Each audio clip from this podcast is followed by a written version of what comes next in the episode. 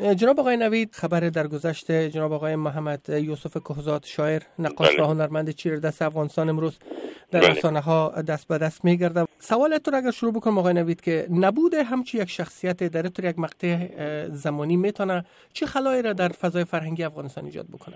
جناب یوسف کوزاد یک نقاش بسیار چیره دست افغانستان نویسنده خوب نمایش نویس بدن اینا.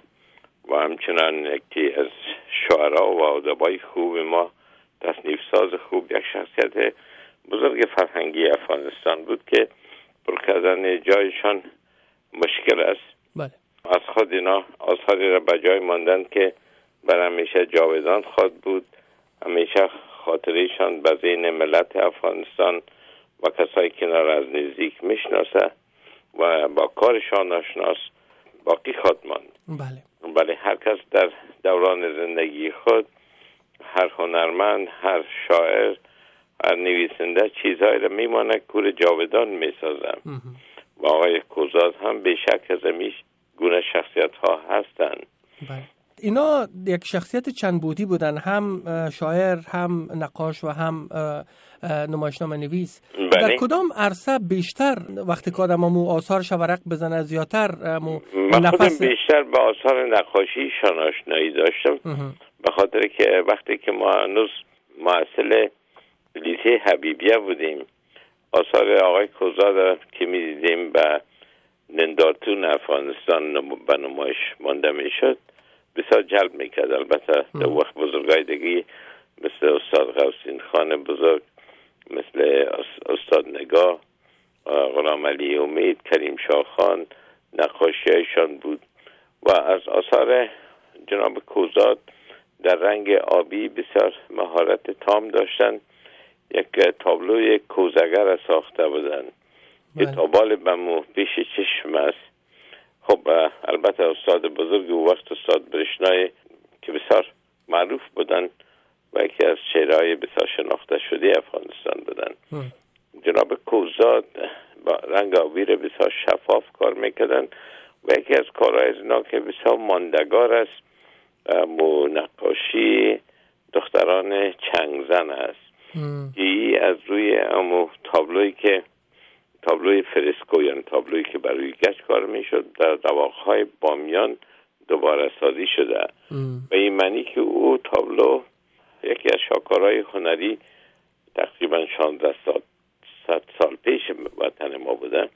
اما او به مرور زمان پوسیده شده بود و کسایی که شکار می‌کردن کبوتران داغای گله داشت. بازو نقاشی را به موزیم کابل انتقال دادن که تاوال هست فرد خداوند.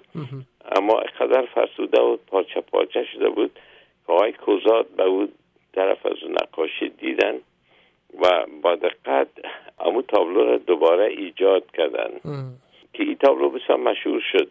در تمام پشتی مجلای جواندون و پشتونجق و رسانه خبری افغانستان همیشه این تابلو یک سمبول تاریخ افغانستان شده بود بله. شما می‌فهمید که جناب کوزاد برادر کوزاد بزرگ علامه کوزاد بودن که بله. او بسیار بزرگ افغانستان بود اصلا فامیل کوزاد یک فامیل بسیار فاضل و دانشمند افغانستان بودن بله. و هر کدامشان در عرصه کار خود با اوج کار خود کردن خدمات بسیار بزرگی بر افغانستان کردن آخرین باری که با آقای یوسف کوزاد در کالیفرنیا دیدیم یکی از شعرهای بسیار مقبول خدا که تمامش به خاطر من نیست.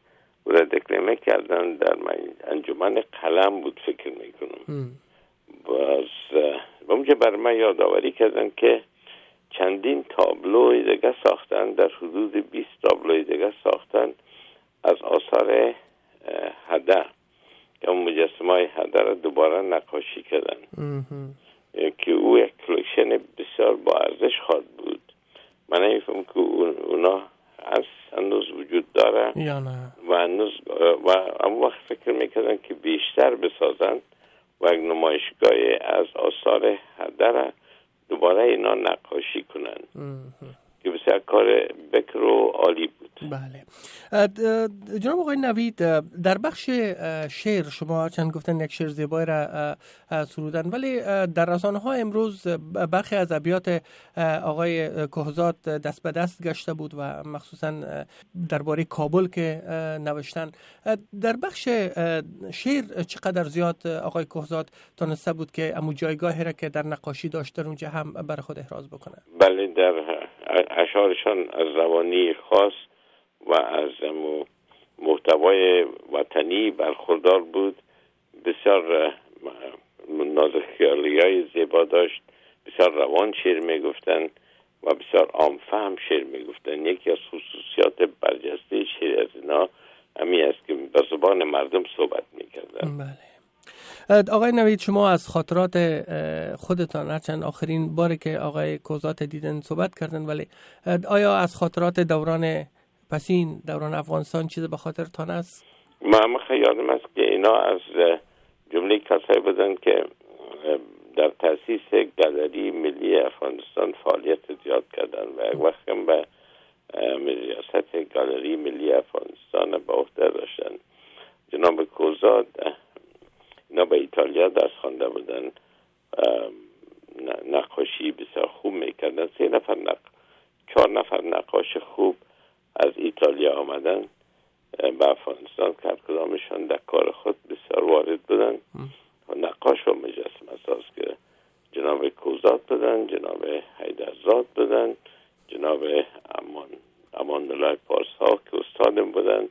و همچنان جناب تمیم اعتمادی که نقاشی ابسترکت می‌کردن. بله. از کدام از نانوآوری های در هنر معاصر افغانستان